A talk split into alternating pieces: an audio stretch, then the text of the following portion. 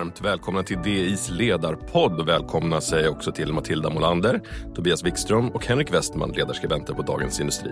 Jag heter Andreas Johansson och det är förmiddag onsdag den 24 maj och vi ska prata försvar och försvarsindustri. Henrik, ett av Sveriges just nu mest utmanande jobb är utan tvekan överbefälhavarens. Efter decennier av nedrustning och ekonomisk svältkur ska Försvarsmakten äntligen rustas upp. Det skriver du i dagens ledare. Hur står det till med vår beredskap egentligen? Eh, ja, kortfattat så beror det väl lite på om man ser till kvalitet eller kvantitet. Eh, kvalitet eh, är ju bra och det visade ju den nyss avslutade Aurora-övningen. Vi har bra manskap, vi har bra materiel, alltså grejer. Problemet är ju att vi är alldeles för få. Och det är ju den enorma utmaning som ÖB står inför. Han ska då fördubbla krigsorganisationen och samtidigt stöpa om hela, hela Försvarsmakten eh, och den kultur som har rått under många decennier som du var inne på. Men en fördubbling till 2035 eh, är det sagt. Eh, vad pratar vi om för storlek på försvaret här nu bara så att vi har fakta på bordet? Ja, det ska ju fördubblas då, krigsorganisationen. Så där ingår ju även hemvärnspersoner, men 120 000 man. Eh, och det är ju mycket mindre än vad det, vad det var under perioden efter andra världskriget och framåt. Så att, eh, det är ju fortfarande ett, ett, eh, ett, ett ganska litet försvar sett i det perspektivet, men mycket, mycket större än vad vi är vana vid. Eh, man ska ju bland annat då fördubbla antalet armébrigader från två till fyra och en, en brigad är ungefär 5000 man, så ger det en känsla för... Och det tar ju tid att bygga upp. Eh, det är inte, det är inte så att det står 35 000 man och bara redo och, och, och, och, och kliva nej, in. Det är en organisation nej. som tar tid att bygga, eller hur? Ja, det är, det är ju det och det är på så många plan och det är det här jag tycker är väldigt intressant. Eh, för det är ju ett sånt otroligt mångfacetterat jobb som han måste som han måste ta sig an. Utmaningen är ju till exempel det här med värnpliktiga. Idag är ju inte problemet att eh, det inte finns personer som vill göra värnplikten. Det finns för många som vill göra värnplikt. Eh, det finns inte tillräckligt med regementen och förband eh, för att liksom ta upp alla de här människorna som är intresserade. Mm. Och det såg vi ju också i tillströmningen till hemvärnet efter Ukraina-krigets utbrott. Så att organisationen är så liten idag Eh, och samtidigt har den fått så många fler uppgifter. Det är ju betydligt mer hot som har följt efter eh, Ukraina-kriget. Allt det här ska, ska ÖB hantera samtidigt då som han ska stöpa om den här organisationen som inte är van vid, vid snabbhet och flexibilitet. De har ju eh, de har ju haft en ganska letargisk tillvaro under flera decennier och, och, och inte blivit, eh, vad ska man säga, omtyckta av något politiskt läger. Nej, det, det, är ju svårt att skala upp eh, alla typer av organisationer snabbt. Och här är det dessutom en organisation som håller på med väldigt farlig verksamhet. Man ska lära 18-åringar att skjuta utan att någon blir skjuten. Eh, det säger sig självt att det kräver en hel del eh, styrning och organisation och mer erfarna personer som kan lära upp. Verkligen. Samtidigt så ska vi ju nå 2 målen 2026 och då fördubbla eh, krigsmakten till 2035. Kommer vi lyckas med det här? Då? Eh, pengamålet är väl det lätta skulle jag kunna tänka mig. Det handlar ju om att avsätta pengar till försvaret. Men pengarna ska ju användas på rätt sätt och det är ju det som är den stora utmaningen eh, för, för Försvarsmakten. Att, att eh, investera dem rätt helt enkelt. Precis som ett, som ett företag måste göra så måste, så måste ÖB Eh, investera långsiktigt, tänka på vilka projekt, eh, hur ska vi öka antalet soldater, antalet officerare. Det är en jätteutmaning. Ovanpå allt detta så har vi då eh, det tilltänkta NATO-medlemskapet. Eh, och när vi då kommer med i det så, så eh, kommer det ju kräva ännu mer personella resurser ifrån, från försvaret. Så det det är på väldigt, väldigt många plan. 2035, ja det återstår att se. Han, han, eh, jag tycker ÖBs, han säger rätt saker. Han verkar ha liksom koll på grejerna men det ligger ju fortfarande väldigt långt bort och hans stora utmaning är ju inte bara att få Försvarsmakten att ändra sig och växa utan han måste ju då få med sig alla andra försvarsmyndigheter, om de inte hänger med i svängarna här och förstår vad det är vi eh, vill åstadkomma så blir ju det väldigt svårt för, för ÖB. Och det, det, det är han ju medveten om och det säger han ju gång på gång. Och en av de viktigaste myndigheterna där är ju Försvarets materielverk då, som ansvarar för inköp av allt ifrån hästtecken till Gripenplan. Vi har ett stökigt omvärldsläge och vi har skickat en hel del avancerade vapensystem till eh, Ukraina. Hur påverkar det vår egen förmåga? Eh, ja, det är väldigt bra att vi har gjort det. Ehm, och att man har agerat ändå så resolut och skickat de här oerhört betydelsefulla vapensystemen till Ukraina. Men problemet är ju att det är klart att eh, det svenska försvaret är ju så litet och det finns ingen buffert att tala om. Så det, det, är klart att det här dränerar ju det svenska försvaret på resurser och det eh, gav ju också ÖB i den här intervjun i Svenska Dagbladet uttryck för. Att, att hans uppgift är ju faktiskt att se till det svenska försvaret, den svenska yttre säkerheten. Och den måste han nu prioritera. Kan man säga någonting om svensk försvarsindustri och hur, eh, hur viktigt det är för, för, för den att få tydliga besked? Ja, jätteviktigt. jätteviktigt. Alltså det, det, är ju, det här är ju liksom ett stort egentligen ekosystem där, där Försvarsmakten är är en av aktörerna. Och sen har du då försvarsindustrin som också har varit liksom styrmodligt behandlad under väldigt, väldigt lång tid. Och eh, ja, om Försvarsmakten ska klara av att växa så, så måste de liksom köpa in nya, nya, nya vapen. Eh, det måste finnas någonting så basalt som ammunition. Och det är ju ett eh, det, det, är ju bara försvarsindustrin som kan tillhandahålla det. Så de måste ju få, de måste ju få tydliga besked från då inte minst eh, de här eh, inköpande myndigheterna som man brukar kalla det, FMV vad är det Sverige, Sveriges försvar behöver framöver? Eh, vilka kvantiteter? Och först när de får det, då kan de här kommersiella företagen ta beslut om att investera i en ny fabrik, exempelvis anställa fler. Eh, och det ska vi ju säga att det är ju väldigt, väldigt goda tider för, för svensk försvarsindustri. idag. Tobias, du är nyss hemkommen från eh, Bryssel och träffade bland annat justitieminister Gunnar Strömmer och försvarsminister Pål Jonsson. Vad pratar ni om? Ja, alltså på försvarsområdet är ju naturligtvis väldigt aktuellt i EU nu och under det svenska ordförandeskapet. Det pågår ju som vi har pratat om ett krig och det, tar, det, är ju, det dominerar ju, måste man säga, all EU-verksamhet. Det finns ju en del gjort redan inom EU i EU-sammanhang. Det finns ju det här permanenta strukturerade samarbetet med den mystiska förkortningen PESCO som har funnits ett antal år. Eh, där, man, där, där länderna ska eh, samordna eh, sin, sin försvarsinsats så att säga.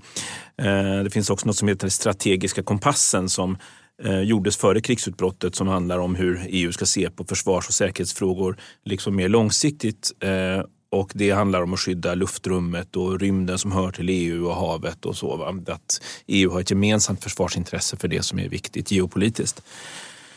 Men sen så finns ju då det som kallas ASAP. Och det betyder inte i detta sammanhanget as soon as possible. Eh, eh, verkligen inte därför att det är en EU-förordning om att öka ammunitionsproduktionen i Europa. Och där de eh, tjänstemän som jag pratade med i, i Bryssel säger att det här kommer inte att gå igenom under svenska ordförandeskapet. Det är för, det är för, eh, det är för sent ute och det är för, för eh, komplicerat. Men det man pratar mycket om det är ju då framtiden. Eh, under det svenska ordförandeskapet så pratar man om återuppbyggnad av Ukraina. Någon gång ska ju det ske. Eh, och också hur man ska kunna använda de här frusna, frysta pengarna som finns, centralbankspengar som finns lite här och där i Europa. Det är ju en eh, rättsligt sett eh, mycket eh, besvärlig fråga och jag tror att alla inblandade parter inte vill att EU ska kunna anklagas för att vara någon slags rövar, rövarekonomi som bara lägger beslag på de här pengarna. Så det är en fråga som svenska ordförandeskapet jobbar med. Men det finns också en sak som är besvärlig som kanske bara delvis är en EU-fråga som Gunnar Strömmer pratade mycket om och det är vad som händer efter eh, freden som vi hoppas kommer på, på rätt sätt. Och det är ju då utredning och eh, eh, lagföring av krigsbrott. Det är en... Hej, Ulf Kristersson här. På många sätt är det en mörk tid vi lever i. Men nu tar vi ett stort steg för att göra Sverige till en tryggare och säkrare plats. Sverige är nu medlem i Nato. En för alla, alla för en. Där det finns ett samhälle, där finns det brott. Krimrummet är podden som tar brottsligheten på allvar.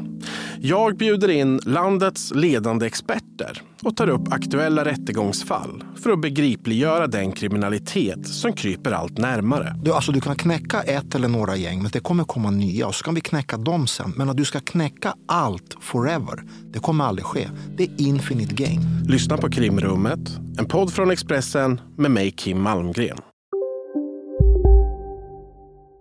enorm volym av krigsåtal så att säga som kan väntas.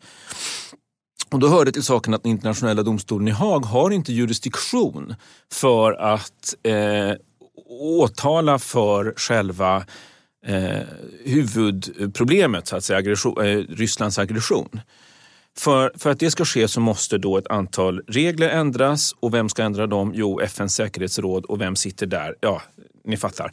Eh, så att frågan är om man ska inrätta en ny egen tribunal för detta eller om man så att säga ska peppa medlemsländerna att ta upp det här nationellt. För så är det ju att alla länder har ju, har ju möjlighet att göra det i sina nationella domstolar. Så sådana såna frågor pratas det mycket om. Eh, och det pratades också om ett dokument med, eh, som ingen av de tjänstemän jag pratade med säger sig ha sett, men med en lista och förteckning över till, till, vad ska vi säga, materieltillgången i de europeiska försvarsmakterna. Och den är ju väldigt anorektisk och det är inte alls bara Sverige, sägs det då, som, som, har, eh, som har den här eh, bristen på materiel. Och det här vill man ju inte berätta för det är ju naturligtvis jättehemliga saker och så. Men, men det, det visar lite grann att det inte bara liksom allmän ovilja att inte ösa mer materiel in till Ukraina. Det finns inte så mycket.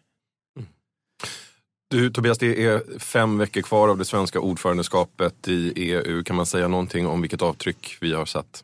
Ja, eh, roade mig att läsa i efterhand en stort uppslagen artikel i Svenska Dagbladet i fredags och där många Brysselkällor hävdade att Sverige har haft ett väldigt osynligt ordförandeskap.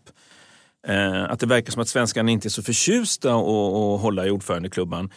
Eh, lagt sig på en, det var någon som sa då att man har lagt sig på en strikt miniminivå utan synlighet för medborgarna. Och alla ministermöten hålls i en bunker ute på Arlanda. Och, ja, det kanske stämmer, men eh, jag tycker ändå att intrycket är att svenskarna är väldigt inriktade på att få projekt i hamn. Det har förberetts jättebra av den förra regeringen och eh, den nya regeringen har tagit över sömlöst, heter det väl. Eh, och, eh Eh, och Gunnar Strömmer säger själv att Sveriges anseende stärks i EU av vår leveranssäkerhet det låter ju bra tycker jag. Jag tycker det är, jag tycker det är uppfriskande att, in, att eh, vi i så fall då är, inte är ett land som satsar på stora eh, banderoller på gatorna i Bryssel och vi gör det här så bra och så vidare och, och mycket utan verk. Utan det är rätt så hands-on. Och då är det, då är det liksom två frågor i EU, om man bara får ta en paus från det här med försvarsfrågorna så är det två frågor som är jättesvåra som, som liksom har eh, hamnat i Sveriges knä i dubbel bemärkelse. Dels därför att Sverige är ordförande och dels därför att den aktuella kommissionären som har eh, hand om de här frågorna är Ylva Johansson och hon råkar ju vara svensk. Eh, och det första är då migrationspakten. Och det är elva lagpaket då som där fem är klara, tre på gång och tre inte klara. Där säger Gunnar Strömmer, alltså Sveriges justitieminister, att ah, det här blir jättesvårt men vi ska kämpa. Eh, Ylva Johansson säger det här kommer att ordna sig. För om det inte ordnar sig nu, eh, då kommer ingenting att hända på många, många år eftersom det snart blir nytt EU-val, ny EU-kommission Eh, och eh, man vet inte hur majoriteterna kommer att se ut. Just nu finns det tre partigrupper, alltså de tre stora partigrupperna i parlamentet i, i Strasbourg är överens om deras variant av migrationspakt. Och sen så ser ju då kommissionens förslag annorlunda ut men Ylva Johansson tycker att båda är okej. Okay. Och hon är ju väldigt inne på att det här, de här asylfrågorna, migrationsfrågorna måste lösas på en europeisk nivå. Jag, jag tror i alla fall att de allra flesta håller med om det, även om Sverigedemokraterna säger att de, att de är besvikna på att Sverige stöder detta, vilket ju är lite luftlandsatt för den här frågan har ju pågått så länge, misslyckats tidigare men nu ska det igenom. Så det är den ena frågan. Och sen så är det ju en fråga till då som är en riktig snackis i EU-sammanhang. Eh, när man, på Arlanda så finns det stora skyltar över incheckningsdiskarna där det står Stop Chat Control. Och det är ju EU-kommissionen, alltså Ylva Johanssons förslag till automatisk skanning av, för barnporr på eh, meddelandetjänster. Eh, och det här har ju blivit en, en, stor debatt i internetvärlden om att det här är, är statlig kontroll och så vidare. Eh, och eh, hon själv är ju oerhört dedikerad. Eh, jag träffade Ylva Johansson också i Bryssel. Hon är oerhört dedikerad att, att det här ska gå igenom. Hon brinner för frågan. Hon tycker att den här eh, frågan som handlar alltså om att internetföretag ska få en eh, en eh, möjlighet, förlåt, en, en, eh, det ska bli tillåtet för internetföretag att skanna eh, automatiskt efter barnporrbilder. Och om de då inte gör det, då ska de så att säga få förklara sig och om de då inte förklarar sig särskilt bra så, så kan det komma ett beslut på att ni ska göra på det här och det här sättet. Eh, men enligt henne så är det så att de flesta internetföretag, de flesta eh, meddelandetjänstföretag ska jag säga, är positiva till att skanna för barnporr och det har de gjort tidigare också. Men sen så blev det ett juridiskt makelimang i, i eh, vad det fanns för rättslig grund för det här som, som, eh, så att det här föll bort och därför så, så har Ylva Johansson drivit på att det här måste få en permanent lösning. Det här kanske kanske inte blir en lika stor debatt som FRA-debatten som var i, i Sverige då för, för 15 år sedan ungefär. Eh, det vill säga att staten lyssnar på oss medborgare. Men det finns, det finns vissa angränsningar till det. Och eh, den här eh, kommer nog att gå igenom för den är ju inte kontroversiell alls på samma sätt på politikernivå utan det är ju nere på i, det, i civilsamhället så att säga bland medborgare och kanske andra organisationer som är mycket emot det här. Men, men det lät på Ylva Johansson som att vid sidan av liksom kampen mot den breda organiserade brottsligheten så är det här med chatkontroll en väldigt viktig fråga för henne. Och, eh, och eh, jag inbillar mig att hon tänker att den breda allmänheten står på hennes sida i den här frågan. Men det är en riktig sån här Brysselsnackis. Matilda, vi inledde med att säga att ÖB har Sveriges eh, svåraste jobb men rikspolischefen kanske inte skulle hålla med, eller? Nej, jag tänker det kopplat just till Försvarsmakten så är ju också polisen ett väldigt bra exempel på hur svårt det är att skala upp och ställa om en verksamhet när man samtidigt befinner sig i ett väldigt pressat läge. Ehm, och situationen har blivit mycket mer komplex. Efter den här blodiga Kristi himmelfärdshelgen med flera skjutningar i Sverige så har ju nu debatten om A, B och C-poliser eh, dragit igång. Behövs det, fler eller, eh, behövs det fler poliser eller mer kvalificerade poliser? Men saken är väl att det behövs både och. Eh, vi behöver fler polisanställda men vi behöver också kanske framförallt mer olika sorters polisanställda. Alltså brottsligheten idag är ju otroligt komplex och finns inom många olika områden i samhället. Alla skurkar kan liksom inte tas fast med batong längre. Och då gäller det att vi har poliser som också kan väldigt många olika saker. Och man kan ju fundera kring eh, i, när man tittar i skolvärlden, då man, där låter man akademiker med examen inom många olika områden läsa till en kortare lärarutbildning. Det kanske man ska titta på någon liknande lösning för poliser. Eh, där man kan vara ekonom eller eh, socionom eller vad det nu kan vara och sedan läsa till en kortare. Så vem har då Sveriges tuffaste jobb? Är det ÖB eller rikspolischefen? Matilda? Oh,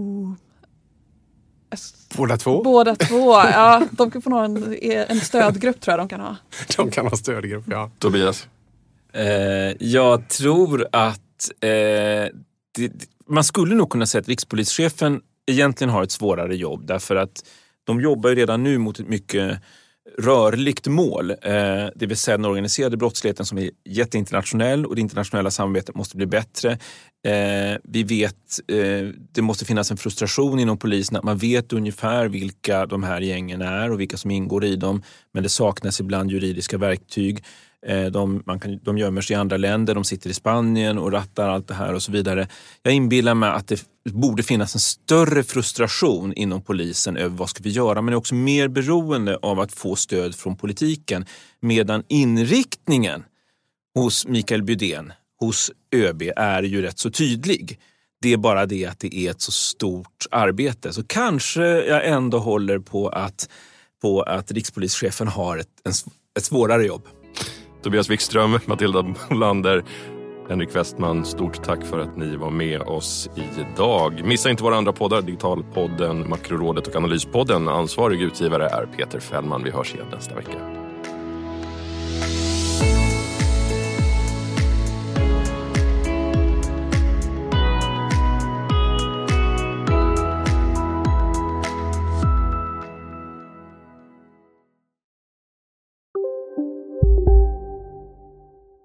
Har du också valt att bli egen? Då är det viktigt att skaffa en bra företagsförsäkring. Hos oss är alla småföretag stora och inga frågor för små. Swedeas företagsförsäkring är anpassad för mindre företag och täcker även sånt som din hemförsäkring inte täcker. Gå in på swedea.se företag och jämför själv.